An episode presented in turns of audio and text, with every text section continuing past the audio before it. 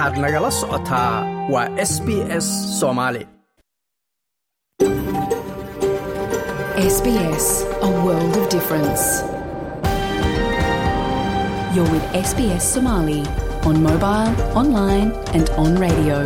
waxaad nagala socotaan s b s soomaali oo aad ka heli kartaan mobil online iyo rediyoga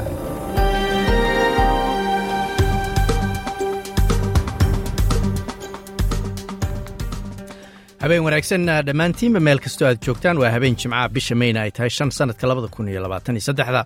Halkaad naga dhegaysanaysaanna waa laanta af soomaaliga ee idaacadda s b s oo si toosa idinkaga imanaya stuudiogaanu ku leenahay magaalada melbourne. Magacayguna waa xasan jaamac. Waxyaalaha aad caawa idaacadda ku maqli doontaanna waxaa ka mid ah. Muhiimka waxa waa in la heshiiyey in arrintaasna maxkamadda loo hordhigi doono marka laakiin dadka waxaa laga rabaa qof kasta oo raba inuu ka qayb qaato labaatan iyo todobada juun waa inuu foomka buuxiyaa. Qof kasta waxaa loogu soo diray waraaqo adreskooda waa dadka degan saraha dhaadheer ee flemington iyo norad melbourne oo dowladda victoria heshiis kula gaaraya in markaasi lacag magdhowa la siiyo kadib xanibaadihii labadii kun iyo labaatankii. Sidoo kale waxaad maqli doontaan hooyooyinkoo sidoo sidoo kale iyagana hadlaya oo maaragtay ka hadlaya sidii maaragtay loo adkeyn lahaa dhaqankeena sidii maaragtay loo hagaajin lahaa jiilkeena yaryar ee loogu sheegi lahaa waxyaabaha ay u baahan yihiin ee dhaqankeena ka mid ah. Waa kulan loo bixiyey gabadhayda iyo aniga oo lagu qabanayo magaalada melbourne fartuun faarax ayaanu ka wareysanay. Wararkaas ayay kuwo kale ayaad maqli doontaan. Marka horese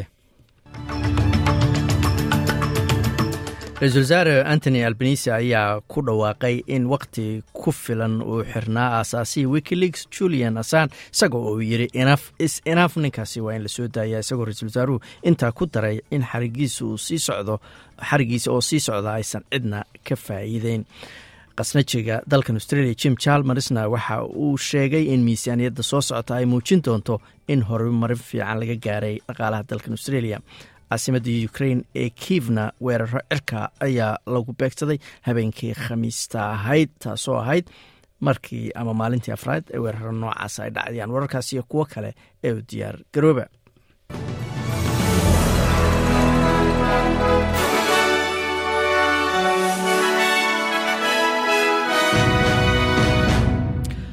haddana waa warkii oo dhammaystiran nin ayaa xaalad adag ku jira ayaa la yidhi kadib markii toorey lala dhacay isaga oo ka shaqaynaya hay'adda la yidhaahdo services new south wales ee ku taala xaafadda haymarkad ee bartamaha magaalada sydney.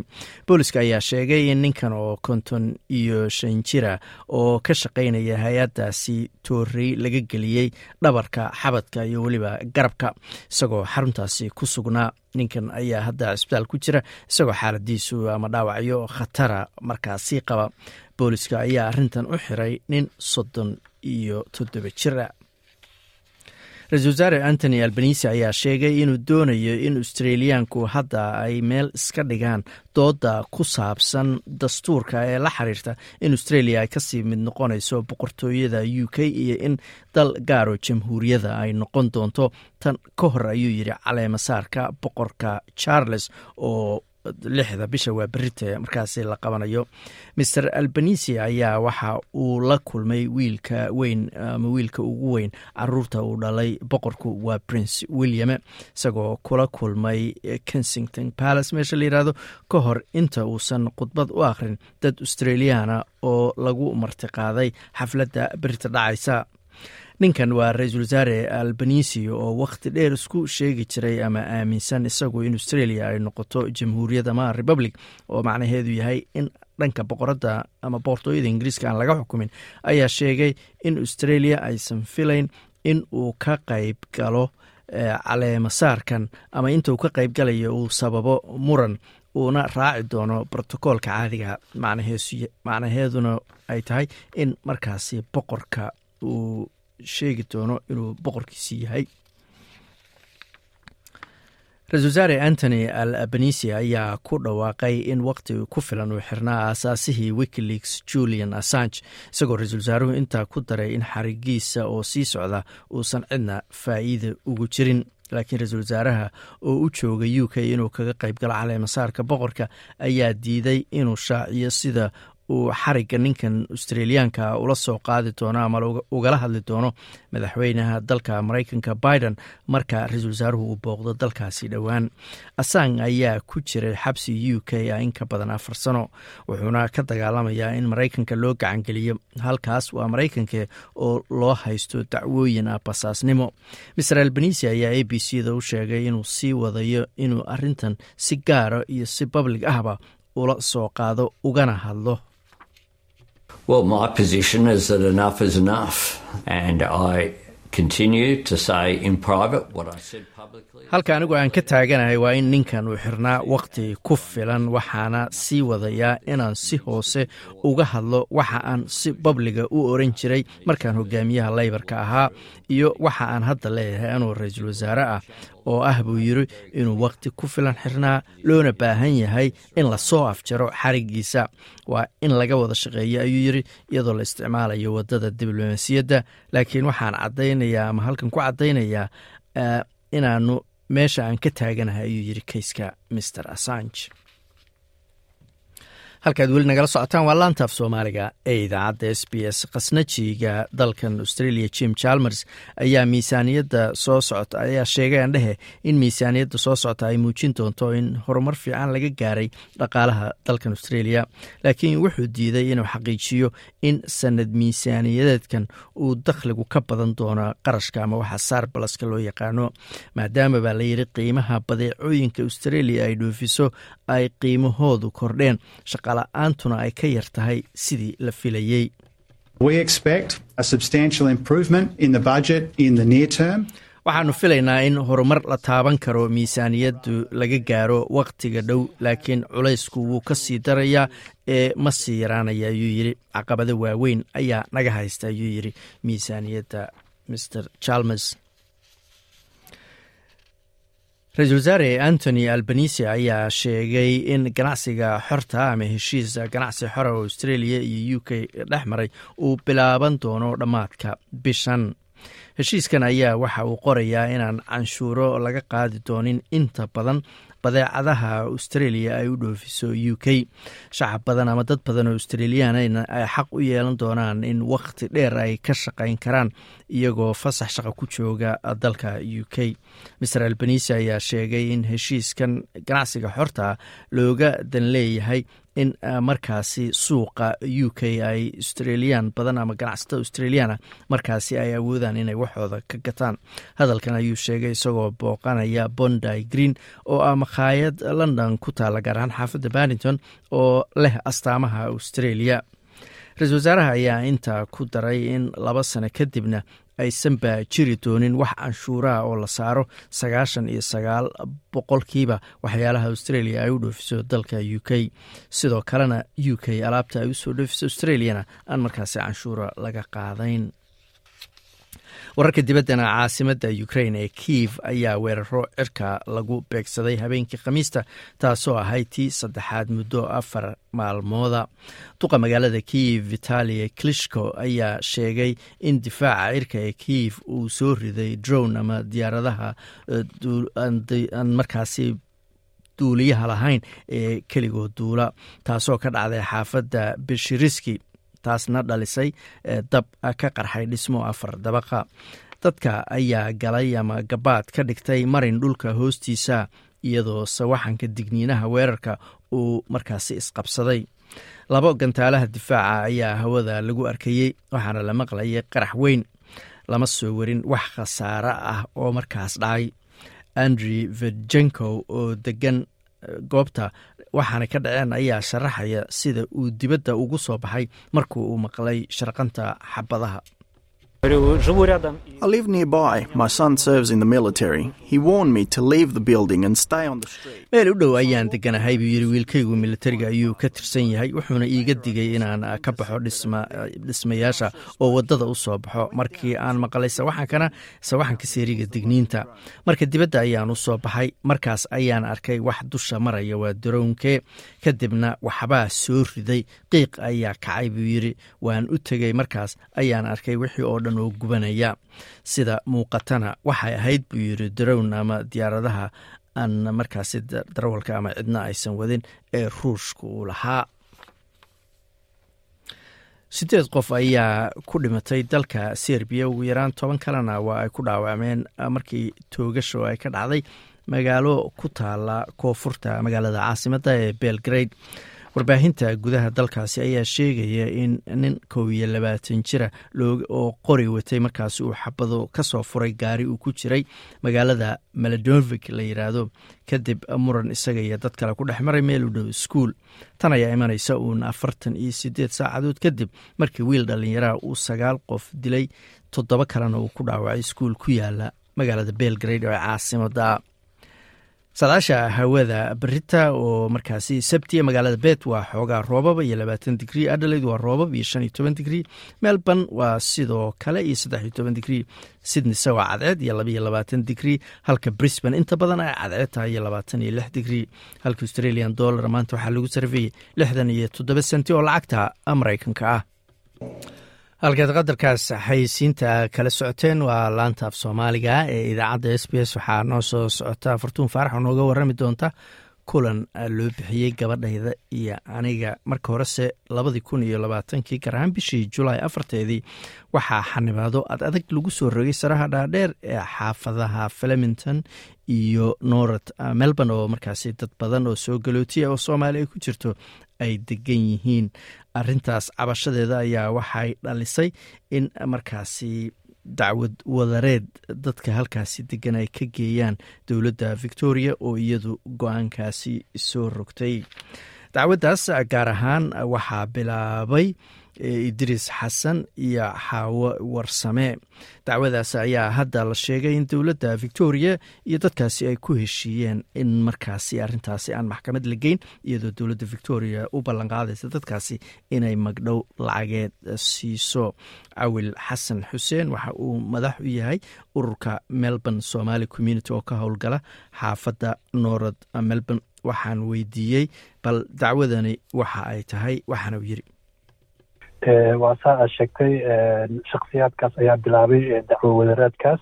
Ayagoo matalayo dadka sarihii dhaadheeraa degan oo dhan ayagoo matalayo xaafadda north melbourne iyo filmingtonba waxayna dacwadaas ku qaadeen dowladda victoria iyo qeybaheedii hoos imaanaya oo dhan. Hadday noqoto dhinaca caafimaadka dhinaca askarta waxayna ka cabanayeen bandowgii la saaray xuquuqdii bili-aadnimada dadka laga qaaday dadka oo askar la soo duldhigay ayagoo aan loo loo diiday inay banaanka u baxaan.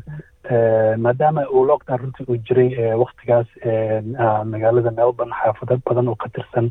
Haddana dadku xor ayay u ahaayeen in intay guryahooda ka baxaan adeegyo soo samaystaan. Laakiin dadka saraxda dheer deganaa xorriyaddaas ayaa laga qaaday marka ayagoo cabanayo dhibaatooyin badan oo soo gaaray saas daraaddeed ayay ma aragtay dacwo wadareedkaas u bilaabeen. Waa gartay. Marka hadda waxaa muuqata oo la soo saaray qoraal leh waa ay heshiiyeen dowladda iyo dadkii waday dacwad wadareedkaas. Maxay ku heshiiyeen? Wallahi waxay ku heshiiyeen in la dhaho in la sameeyo waxa la dhaho settlement in dadka dhibaatada soo gaartay lacag lagu qanciyo oo arrinta halkaa lagu soo afjaro oo kaiskan uusan maxkamad tegin oo loolan aan la sameynin dadkii saraha deganaa dadkii matalayay looyaradooda iyo dhinacii dowladda looyaradooda inayna loolan sameyn. Marka saas ayay dheheen hadda waa ku heshiinay laakiin waxa ay ku xiran tahay heshiis kasta oo ay galaan jajka maxkamadda ugu sarreysa supreme court victoria inuu aprove gareeyo. Waxaa laga yaabaa inuu aprove gareeyo haddii heshiiskaas uu meel maro. Waxaa laga yaabaa jajka inuu diido. Marka saas muhiim waa in heshiis la sameeyey. Waa garta marka ma la yaqaanaa lacagtaas dadka loo ballan qaadayo inta ay la eg tahay iyaguse markay dacwada sameynayeen maxay dalbadeen? Lacag miyay dalbadeen? Ma in raaligelin la siiyay dalbadeen?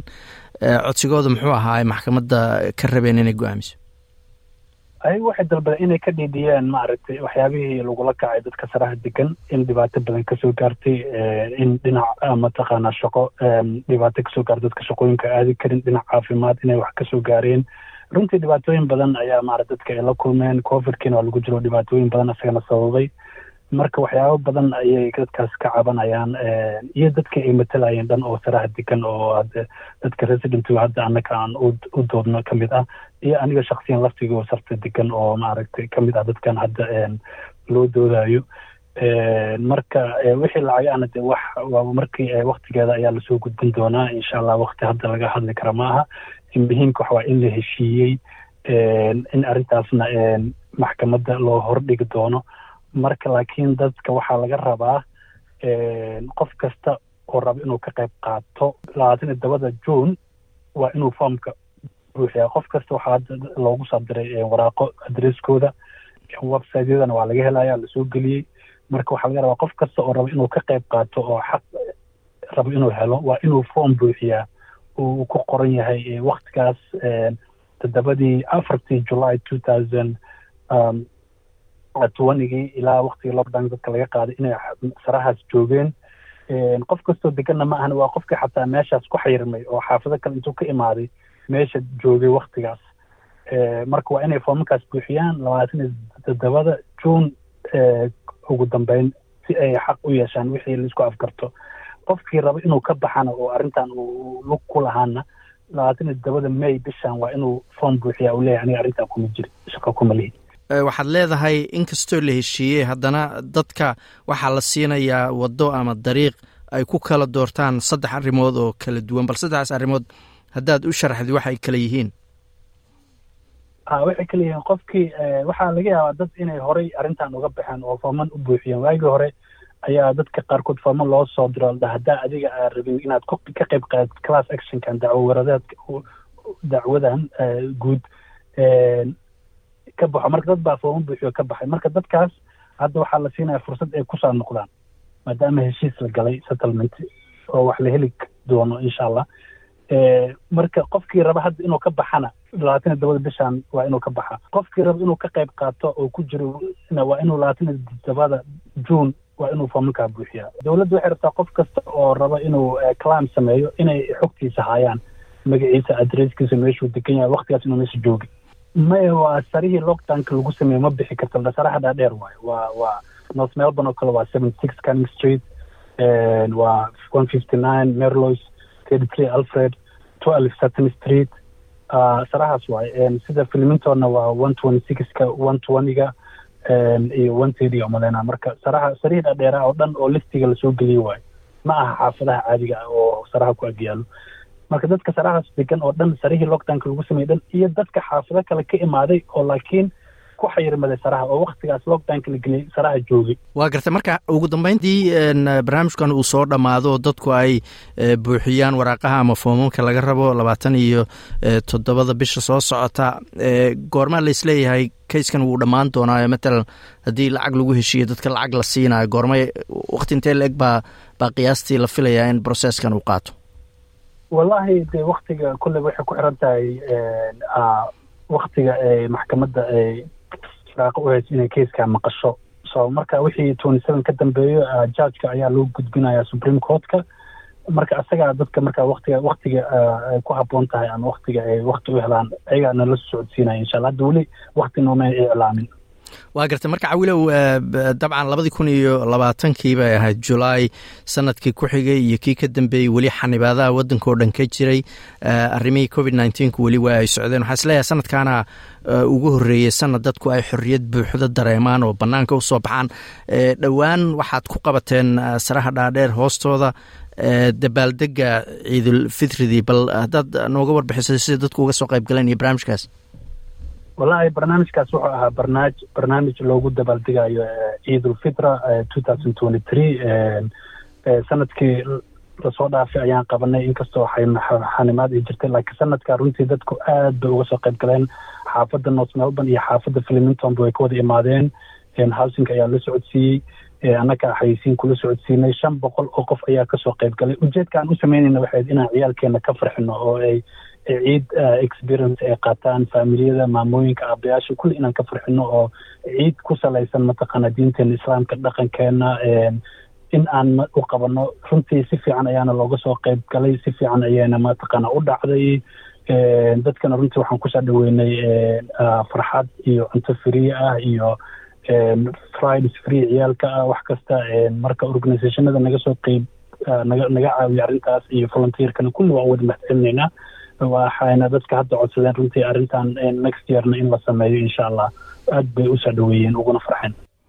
Kaasina wuxuu ahaa cawil xasan xuseen oo madax u ah ururka melbourne somaali community oo ka dhisan xaafadda anorat melbourne weli waxaa noo soo socda warbixin ku aadan haddii adiga iyo dadka dariskaaga ama guriga gurigaaga ku dhegan muran ina dhex maro siyaalaha loo xaliyo iyo fursadaha qofkaasi u furan iyo sida loo maarayn karo. Marka horese magaaladan melbourne brito sabti waxaa ka dhacday barnaamij loo bixiyey aniga iyo gabadhayda oo ay soo qaban qaabisay east african womens foundation. Madaxna waxaa ka ah ururkaas fartuun faarax waxaana weydiiyey bal ujeedada barnaamijkan gabadhayda iyo aniga markaasi waxa uu yahay waxayna tiri. Aad baad u mahadsan tahay xasan oo barnaamijkan ah gabadhayda iyo aniga ee ah munaasabadda aan ugu dabaaldegayno ciidda.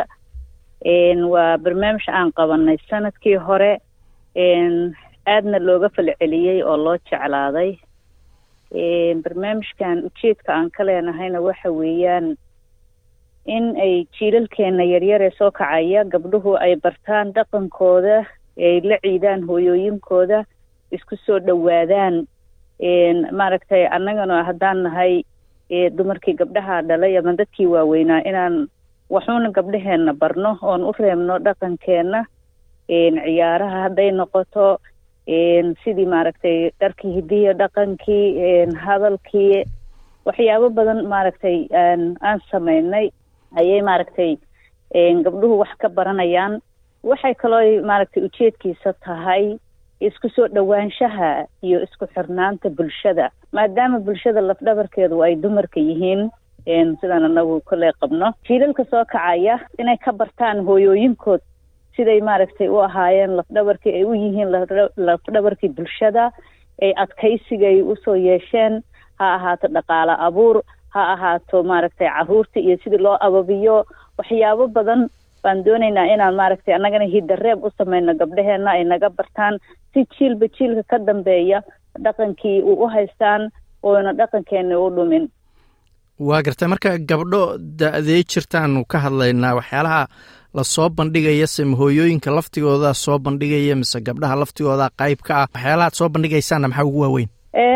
Munaasabadan waxaan ku casuunay gabdhaha toban sano iyo wixii ka weyn iyo hooyooyinkooda. Munaasabadda waxaa soo bandhigi doonaa insha allahu waa ciyaarihii iyo maaragtay dhaqama ciyaar dhaqameedkii soomaalida. Meel kasta ama koonfur iyo meel kasta ha laga ciyaaro.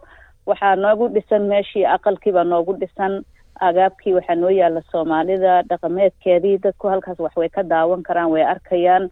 Waxaan soo bandhigaynaa gabdho yaryar oo iyaguna u mahad celinayo hooyadood oo ciyaarihii heese soo bandhigi baa jira. Hooyooyinkoo sidoo sidoo kale iyagana hadlaya oo maaragtay ka hadlaya sidii maaragtay loo adkeyn lahaa dhaqankeena sidii maaragtay loo hagaajin lahaa jiilkeena yaryar loogu sheegi lahaa waxyaabaha ay u baahan yihiin ee dhaqankeena ka mid ah waxyaabaha hadda nagu soo batay arrintan nagu baraarujisayna waxaa ka mid a wax badanoo waxaa jirta isbeddel badan oo bulshadeena ku imaaday. Isbedelkaas waxaa ka mid a gabdhaheena yaryaraa waxay doonayaan inay iyagu gooni u ciidaan iyagu gooni isugu baxaan maaragtay mararka qaarkood. Keliya munaasabada hooyada iyo gabadheedu isugu imaanayaan waa mararka qaarkood oo arooska. Aroosyadina hadda waxaaban aragnay in maaragtay gabdhuhu ay rabaan inay keligood samaystaan oo dumarka aysan rabin inta badan intooda badan. Marka waxaan doonaynaa insha allahu inaan anagii gabdhaha anagu isla ciidno isku soo dhowaano ayagana ay naga faa'iidaan aan u reebno wixii maaragtay dhaqankeena ah. Waa gartay waa sannadkii labaad baa tiri sanadkaana dadkii ka qayb galay sannadkii hore codsaday ama gabdhihii ka qayb galay. Maxaa ugu waaweynaa waxyaalaha ay ka heleen sannadkii hore ay rabaan haddana mar labaad in loogu celiyo?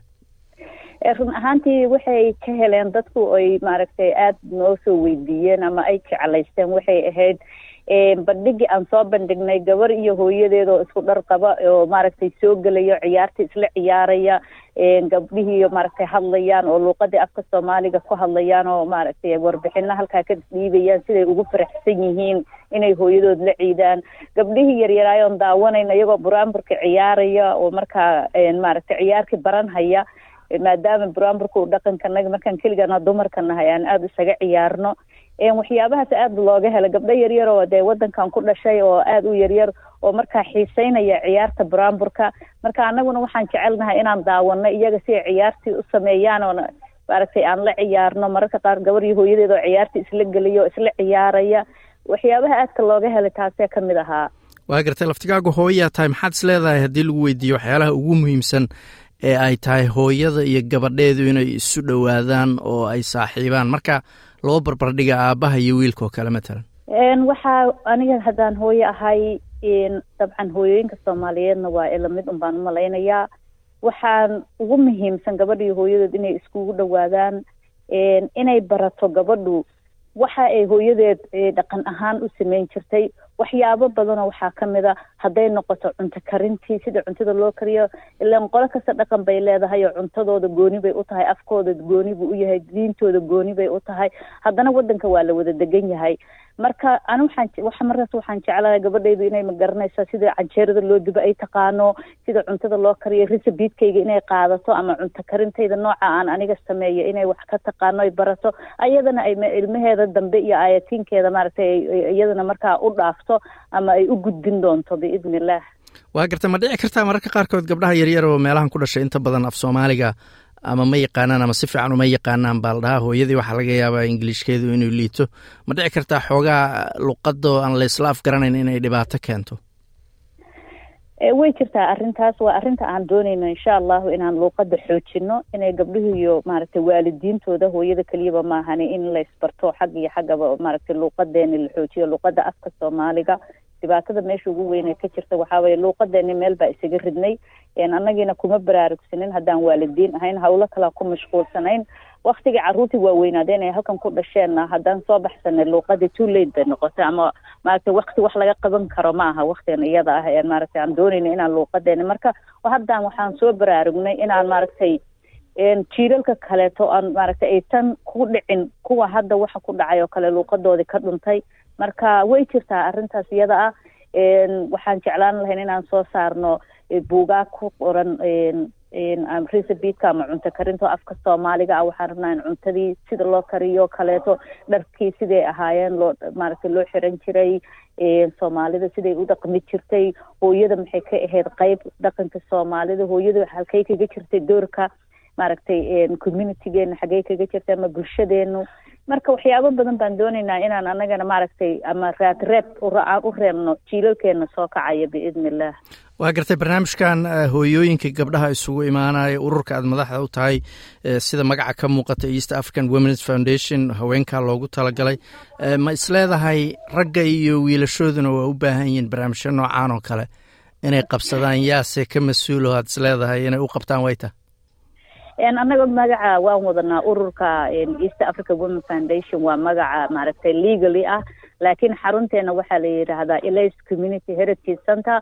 Hadda aan kula hadlayo ilaa iyo toban wiil oo dhalinyaro ah ila joogto oo ila seed garaynaysa maaragtay meesha oo ila hagaajinaysa. Dhalinyaradaas waa dhalinyarada ku xiran xarunta elis marka xaruntan elis waxay noqon doontaa sida aan ugu qaban doona hadda aan ugu qabanay dumarka inaan mar samayn doono wiilasha iyo aabahoodan u samayn doono inaan maaragtay jiilalka yaryar ee hadda younga familiga oo kaleeto inaan iskugu keeni doono iyagana aan wax u samayn doono waxyaabo badan elderigoo kaleeto sidoo kale inay imaan doonaan jikadii iyo wixii community kitchenkii baa hadda diyaar ah insha allahu. Wax yar baa noo dhiman. Xoogaa maxaaragtay dhaqaalaha ayaa aada noo ragaadinayo maana haysanin dhaqaalo nagu filan aan ku dhamaystirno laba sano ayaan hadda la cifanaynaa. Sanadka labaad baa noo buuxsamay bishaan may. Insha allahu way iska imaan doontaa way hagaagi doontaa. Hadda meel fiican bay mareysaa biidni illah si dhammaan bulshada soomaaliyeed ee ku nool melbourne ama wadankan australia barnaamijyada noocan oo kaleeta ah waxaan ku baraarujin lahaa in la wada qabto oo maaragtay maxaafadaha meel walba laga qabto si maaragtay bulshadeenu ay isugu xidhanto eenan ahaanin uun dad kale waxay qabanqaamiyeen markasta inaanu u daba taagnaano. Barnaamijkan waxaa lagu qabanayaa magaalada melbourne halkan xaafadda braybrook xarunta eles community heritage center waxaa lagu qaban doonaa insha allahu berita oo sabti tahay bisha lixdeeda dadka waan casuulnay bisha saacadda markay tahay shanta galabnimo insha allah. Taasina waxay ahayd fartuun faarax oo madax u ah ururka east african womens foundation. Halkaad weli nagala socotaan waa laanta af soomaaliga ee idaacadda s b s ra'iisul wasaare antony albanisi ayaa ku dhawaaqay in wakhti ku filan uu xirnaa aasaasihii wikileaks julian assan isagoo ra'iisul wasaaruhu intaa ku daray in xarigiisa aysan cidna danu ugu jirin uuna kala hadli doona arintaasi madaxweynaha maraykanka joe biden marka ra'iisul wasaaruhu uu booqdo dalkaasi. Jim chalmers oo ah khasnajiga dalkan australian waxa uu sheegay in miisaaniyadda soo socota oo dhowaan lagu dhawaaqi doono ay muujin doonto in horumar fiican laga gaaray dhanka maaliyadda ama dhaqaalaha dalkan australia. Caasimada ukraine ee kiifna weeraro cirka ayaa lagu beegsaday iyadoo la isticmaalayo markaasi dronska halkaad weli nagala socotaan waa laanta af soomaaliga ee idaacadda s b s. Warbixintan soo socotana waxay ka hadlaysaa haddii adiga iyo dadka deriska kula ah muran ama markaasi khilaaf ina dhex maro wixii aad samayn lahayd. Warbixintan ayaa ka mid a barnaamijyadeenii deganaanshaha ama settlement guideka. Gurigaagu waa meesha koowaad ee qofku ku dareemo meel xasiloon oo uu ku raaxaysan karo laakiin dareenkaas deganaanshaha iyo xasiloonnida ayaa daciifi kara ama gebi ahaanba lumi kara haddii aadan heshiis la ahayn deriskaaga. Mararka qaarkood habdhaqanka iyo falka deriska ayaa saamayn xun kugu reebi kara. Warbixintan waxa ay ka mid tahay barnaamijyadii deganaanshaha waxaana ku falanqaynaynaa waddooyinka ama dariiqyada xalka lagu heli karo iyo sidaad u go'aansan lahayd sida ugu fiican ee aad ula xaali lahayd hadday kula soo gudboonaato xaalad aadan jeclaysan ee adiga iyo deriskaaga dhex marta. Ama ku noolow magaalooyinka yaryar ee dalka adoo deggan guri weyn oo daarad damba leh ama ku noolow guryaha dabakhyada oo abaartimentiyada leh ama ku noolow xaafadaha caadiga ah ee magaalooyinka waaweyn murankaala dhex mara deriskaagu waa wax imaan kara mar walba. Sida ay leedahay barbara macdonald oo ah brofesoro sharciga ka dhigta jaamacadda sydney muranku wuxuu dhacaa inta badan marka ay dhacdo ka timaado meesha aad ku nooshahay iyo daruufaha nolosha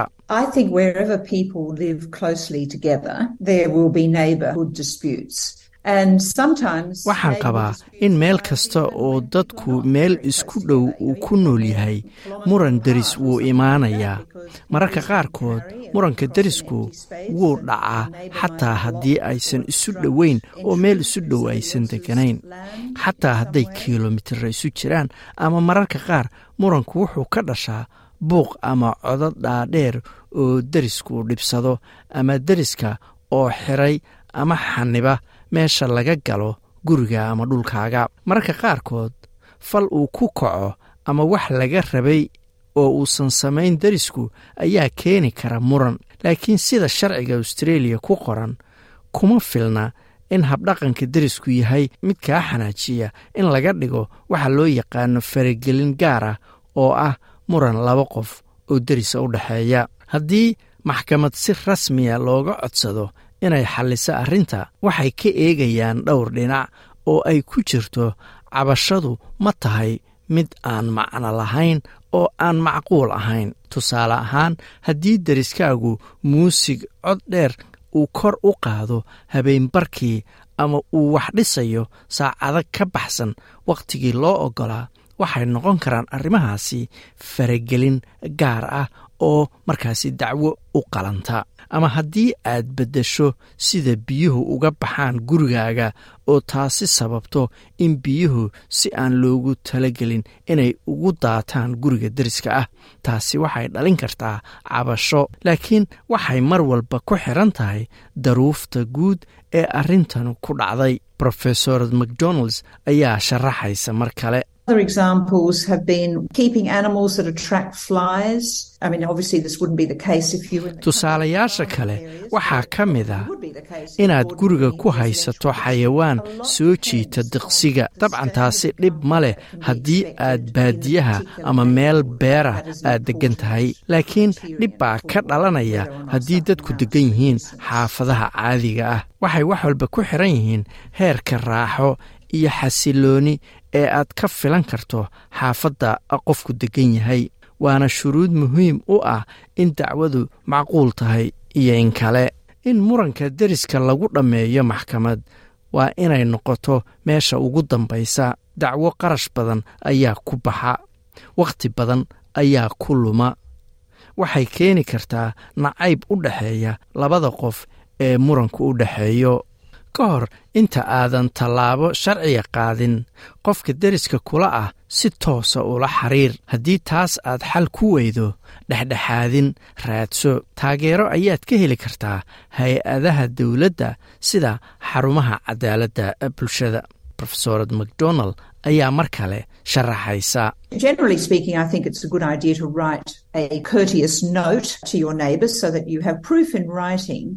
Marka guud ahaan loo hadlayo waxay ila tahay inay fikrad fiican tahay in qoraal xushmad leh aad u qorto deriskaaga si aad caddayn ugu hesho inaad deriskaaga la socodsiisay dhibka aad ka tirsanayso.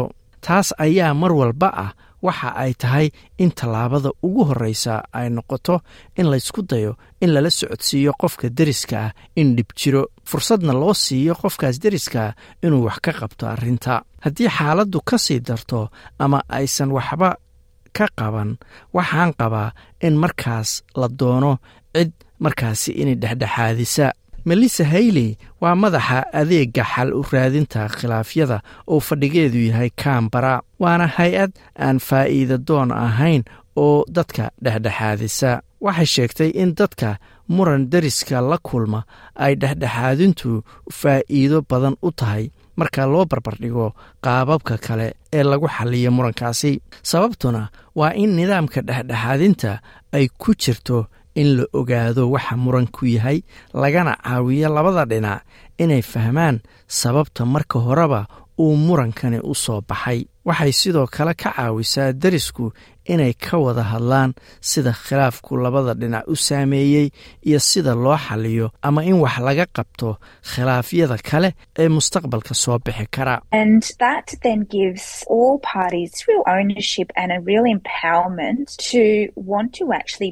Taasi waxay runtii siinaysaa lahaansho saxa iyo awood ay ku doonayaan in wixii hadda ka dambeeya wax hagaagaan.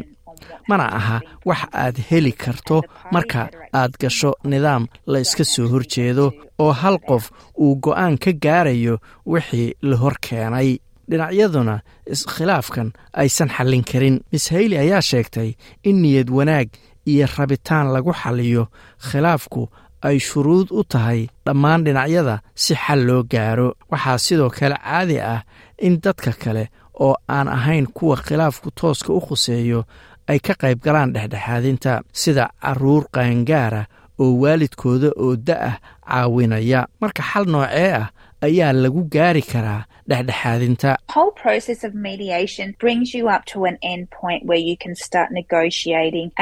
Nidaamka dhexdhexaadintu wuxuu ku geynayaa dhammaadka oo ah inaad bilowdaan wada hadal oo aad isku afgarataan natiijada ka soo baxda wadahadalkaasi. Waa inaad adigu qortaa in la wada leeyahay natiijada iyo waxa dhacaya wixii hadda ka dambeeya haddii marka koowaad la xallin waayo waxaa dhici karta in loo baahdo in mar kale ama mar labaad la isugu soo noqdo dhexdhexaadinta. Sababtoo ah waa inaad macluumaad dheeraada la timaado haddii taasina xal lagu gaari waayo markaas waxaa bilaabmaya nidaam la ysaga soo horjeedo. Khilaafyada derisku waxaa dhici karta inay noqdaan kuwa dhib badan marka ay ku lug leeyihiin dad dano kala duwan wata ama leh. Tani inta badan waxay ka dhacdaa marka dadku ku nool yihiin guryaha dhaadheer ee abaartamentooyinka ah. Markii jaminda karimetidua uu ku noolaa sydney abaartamente uu degganaa waxaa biyo uga soo da'een baalkooniga deriska. Maalin maalmaha ka mid a ayaa baaritaan la samaynayay iyada oo aan digniin dadka loo dirin ama loo sii sheegin dadkii kale ee deganaa dhismaha. Baaritaanka waxaa ka mid ahaa in dareere lagu shubo baalakooniga ma ahayn dareero dhibaato keenaya oo ama sun ah. laakiin midab guduudan ayuu lahaa marka maalin ayaan guriga nimid annagoo shaqo ka nimid. Waxaan aragnay saqafkii oo guduudan. Dareere guduudan ayaa ku soo da'ay saqafka oo guriga kale ee dariska nala ah ka soo da'ay. Waan baqnayba maynaan hubin waxay yihiin waan argagaxnay master kiriwatudua ayaa sheegay inuu la xiriiray maamulka dhismaha markii hore laakiin wuxuu sidoo kale tala weydiisay hay'adda xuquuqda macaamiisha ee la yidhaahdo new south wales fair trading ee gobolka new south wales in xal la helo dhib badan ayaa lagala kulmay maadaama deriskii baarayay biyaha ama dareeraha daadanaya uu xubin ka ahaa guddiga maamulo dhismaha. Inkasta oo ugu dambayntii magdhow laga siiyey khasaarihii gaaray master kiriwatudua ayaa sheegay in wakhti dheer ay qaadatay The agency didn't know who initiated it. It was uh, one of the members of the strata committee, and because of that, the agency could not give out notice to the tenants, and then the agency had to track hay'adda maamusha dhismaha ma ay ogeyn cidda bilowday dareerahan wuxuuna ahaa qofku mid ka mida guddiga dhismaha maadaama aysan hay'addu u digi karayn dadka meesha deggan waxay noqotay in hay'addu raadiso cidda ka mas'uulka ahayd dareeraha oo ay tahay inay sameeyaan khasaaraha ka dhashay. Waxay qaadatay ku dhowaad saddex bilood bilowgii ilaa dhammaadkii. Laakiin ma jirin cid qaadatay mas'uuliyadda iyo sida wax u dhaceen. Laakiin waxaa laga dhaxlay in xiriirka dadka iyo guddiga u dhexeeya la hagaajiyo si markaasi haddii wixii hadda ka dambeeya arrimo noocan oo kale ay dhacaan xal loogu helo melissa hayley ayaa hoosta ka xariiqday in haddii la xaliyo khilaafka u dhexeeya dad wada deggan hal dhismo ay tahay in la gaaro go'aan sidii dhacdooyinka mustaqbalka sidoo kale lagu xallin lahaa. Laakiin muran hadduu dhex mara deriska meesha ugu horreysa ee lala xiriiro waa dowlad deegaanka xaafadaada. Si aad u hesho macluumaad iyo ciddii kale ee ay markaasi kula xiriirin lahaayeen.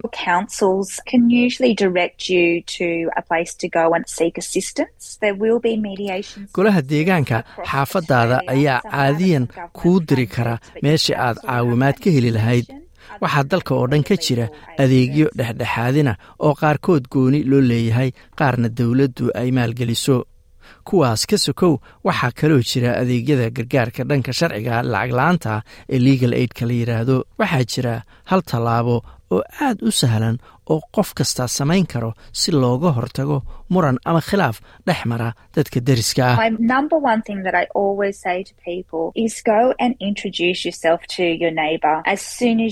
Midayda koowaad ee aan mar walba dadka u sheego waa inay deriska u tagaan oo isbaraan dadka deriska sida ugu dhaqsaha badan. Marka ay xaafadda soo degaan ama derisku uu soo dego macnaheedu ma aha inaad saaxiibba aad isugu dhow noqotaan laakiin inaad isbarto runtii wax weyn ayay wakhtiga dheer beddelaysaa ayay tiri.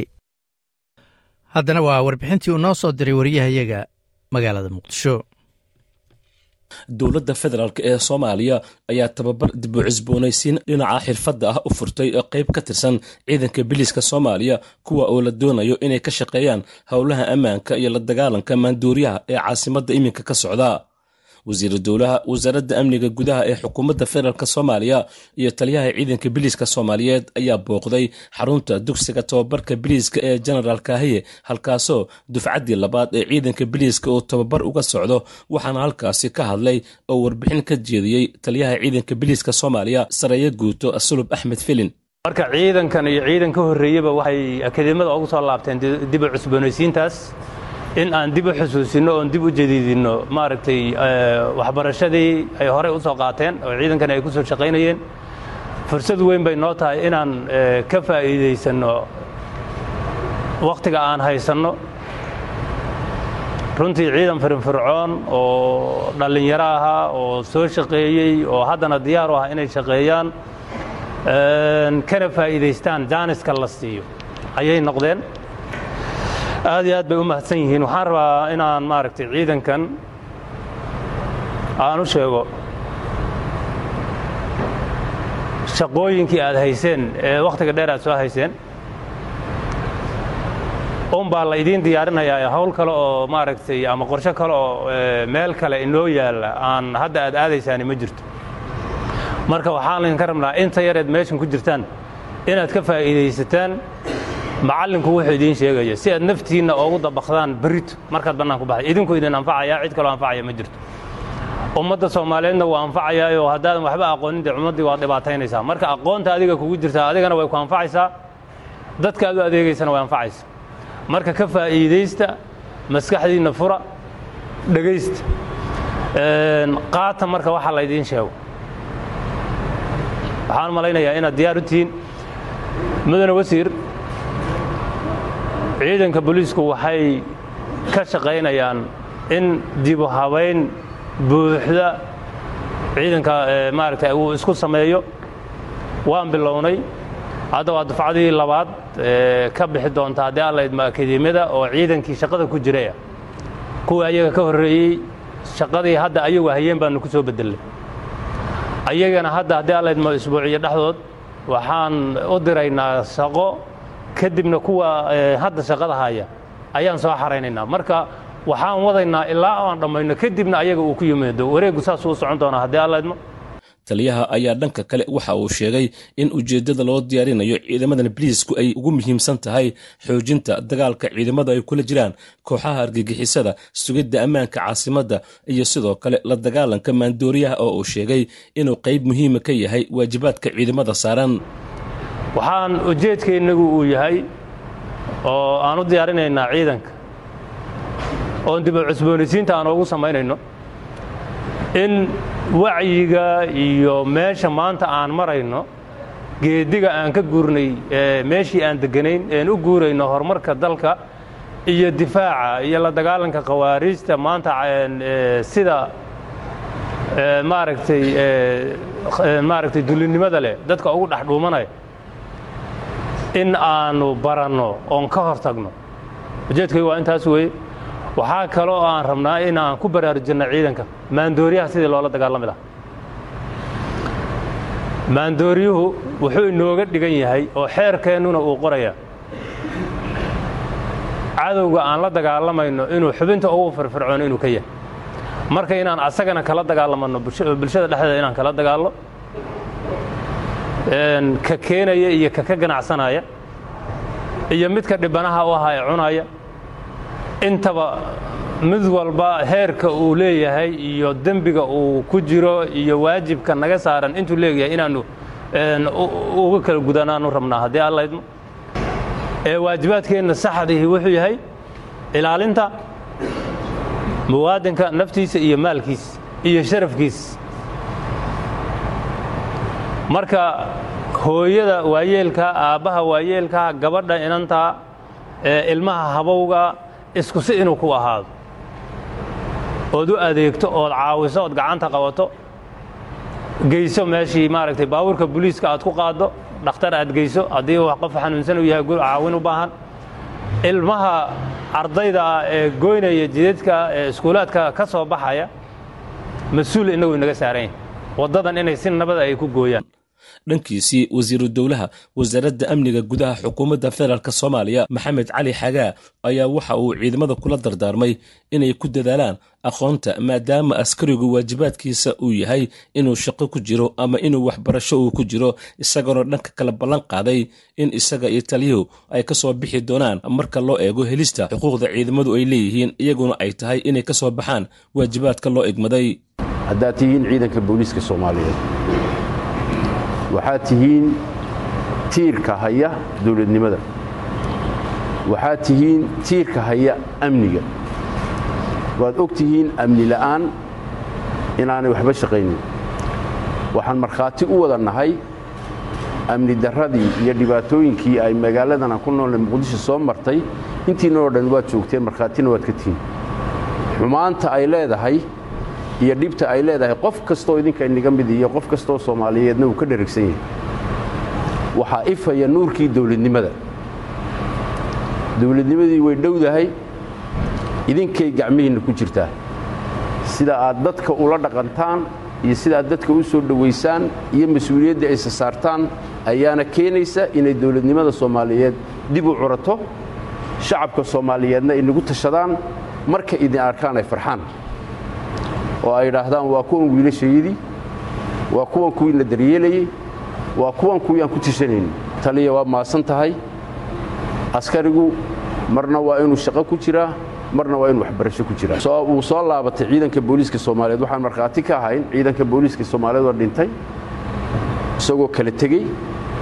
Waxaan markhaati u nahay hadda isagoo noolaaday isagoo dhashay gurguurtay qaangaadhay maanta farjantiir baa tihi ciidanka booliiska soomaaliyeed maadaama aad gacanta ku haysaan amniga dalka gaar ahaan caasimadda muqdisho oo ah wadnihii ama xubinta ugu muhiimsan ee uu ku dhaqaaqaya qaranka soomaaliyeed.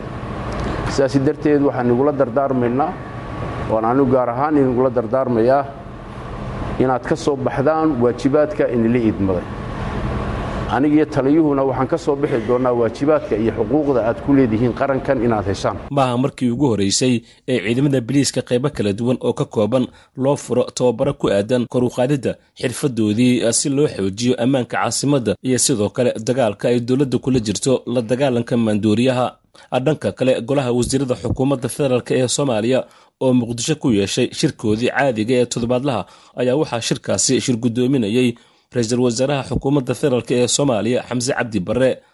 Shirka golaha wasiirada ayaa intiisii badan waxaa diradda lagu saaray arrimaha ammaanka dagaalka al-shabaab ay kula jirto dowladda iyadoo sidoo kale lagu ansixiyey heshiis dhex maray dowladaha soomaaliya iyo kenya. Waxaana ugu horeyntii shirka uu bogaadiyey guulaha waaweyn ee la sheegay in ciidamadu ay ka gaareen howlgallada xoreynta ee haatan ka socda koonfurta iyo bartamaha dalka soomaaliya wasiirka wasaaradda warfaafinta xukuumadda federaalk soomaaliya daa'uud aweys ayaa faahfaahin ka bixiyey waxyaabihii shirka golaha wasiirada looga hadlay. Waxaa looga hadlaya ajendayaal muhiima oo muhiim u ah qarankan soomaaliya waxaa ugu horreeya oo ajendaha ugu muhiimsanoo looga dooda ka mid ahaa horumarka laga sameeyey sugidda amniga caasimadda magaalada muqdisho oo warbixinno ay soo jeedeen hay'adaha amniga ay ku xaqiijiyeen in la dhimay weeraradii khawaariijta iyo argixisada ay ka fulin jireen. Deegaano badan oo soomaaliya gaar ahaan caasimadda oo boqolkiiba toddobaatan hoos loo dhigay weeraradii iyo fadqalalooyinkii ay wadeen kooxahaasi argixisada taasina waa guul u soo hoyatay dowladda soomaaliya iyo siyaasadeeda ku aadan dhinaca sugidda amniga. Sidaad ogtihiin bishii ramadaan waxaa lagu soomay laguna afuray nabad ilaa ila lagu ciido. Ilaa haatanna ciidamada xooga dalka soomaaliyeed iyo dhammaan ciidamada qalabka sida waxay heegan u yihiin in ay sii wadaan sugidda amniga caasimadda iyo iyo gobollada kale ee dalkaba iyadoo soo dhowdahay bilowga wejiga labaad ee dagaalka lagula jiro khawaariijta qodobka kale muhiimka ah ee looga hadlayay shirkan golaha wasiirada waxa uu ahaa soo daadgureynta dadka soomaalida ah ee ku xayiran amaba uu dagaalka ku qabsada dalka suudaan guddigii golaha wasiirada ee uu dhowaan magacaabay ra'isul wasaaraha ayaa warbixin ka jeediyay shirka golaha waxaana ay sheegeen guulaha ilaa haatan la gaaray ilaa iyo boqolaal soomaali ah in laga soo daadgureeyey dalkaasi suudaan lana keenay soomaaliya. Qaarkoodna ay weli joogaan dalka ethoobiya qaarna ay joogaan dalka jamhuuriyadda koonfurta suudaan. Daadgureentuna ay socoto. Welibana muddo gaaban gudaheeda guddigan iyo dowladda soomaaliyaba ay awoodeen in ay howshaasi baaxadda le qabtaan. Si wanaagsanna waa loogu mahad guddigaasi iyo howlihii kale ay qabteen ku aadana daadgureynta dadkan soomaaliyeed ee dagaalka ku qabsay dalka suudaan. Sidoo kale waxaa golaha wasiirada maanta uu ansixiyey heshiiska dhinaca xiriirka hawada amaba duulimaadyada ee soomaaliya iyo kenya. Heshiiskaasi oo horey u jiray balse dib u cusboonaysiin lagu samaynayo islamarkaana labada dal ee deriska ah ay rabaan inay xoojiyaan adeegyada duulimaad iskaashiga duulimaada ka dhexeeya. Halkaad warbixintaas kala socoteen waa laantaaf soomaaliga ee idaacadda s b s gebagabadii idaacaddeen caawa ayaanu soo gaarnay wararkana waxaa ugu waaweynaa ra'iisul wasaare antony albanisi oo ku dhawaaqay in wakhti ku filan uu xirnaa aasaasihii wikileaks julian assange isagoo ra'iisul wasaaruhu intaa ku daray in xarigiisa oo sii socdaa aysan cidna dani ugu jirin. Arrintaasna uu kala hadli doono madaxweynaha maraykanka. Marka uu booqdo aqalka cad jim jalmers oo ah khasnajiga dalkan australiana waxa uu sheegay in miisaaniyadda soo socota dhowaan lagu dhawaaqi doono muujin doonto in horumar fiican laga gaaray dhanka maaliyadda ama dhaqaalaha dalka caasimada ukrain ee kiyefna weeraro cirka ayaa lagu beegsaday iyadoo la isticmaalayo darown ama diyaaradaha. Aan cidna wadin idaacaddii caawana intaas ayaan ku soo gabagabeyneynaa waa aniga oo xasan jaamac intaas iyo nabadgelyo. Waa inuu asbuuca dambe ama toddobaadka dambe haddii u eebaydmo. Ma doonaysaa sheekooyinkan oo kale? Ka dhegayso apple podcast google podcast spotify ama meel kasta oo aad bodkastigaaga ka hesho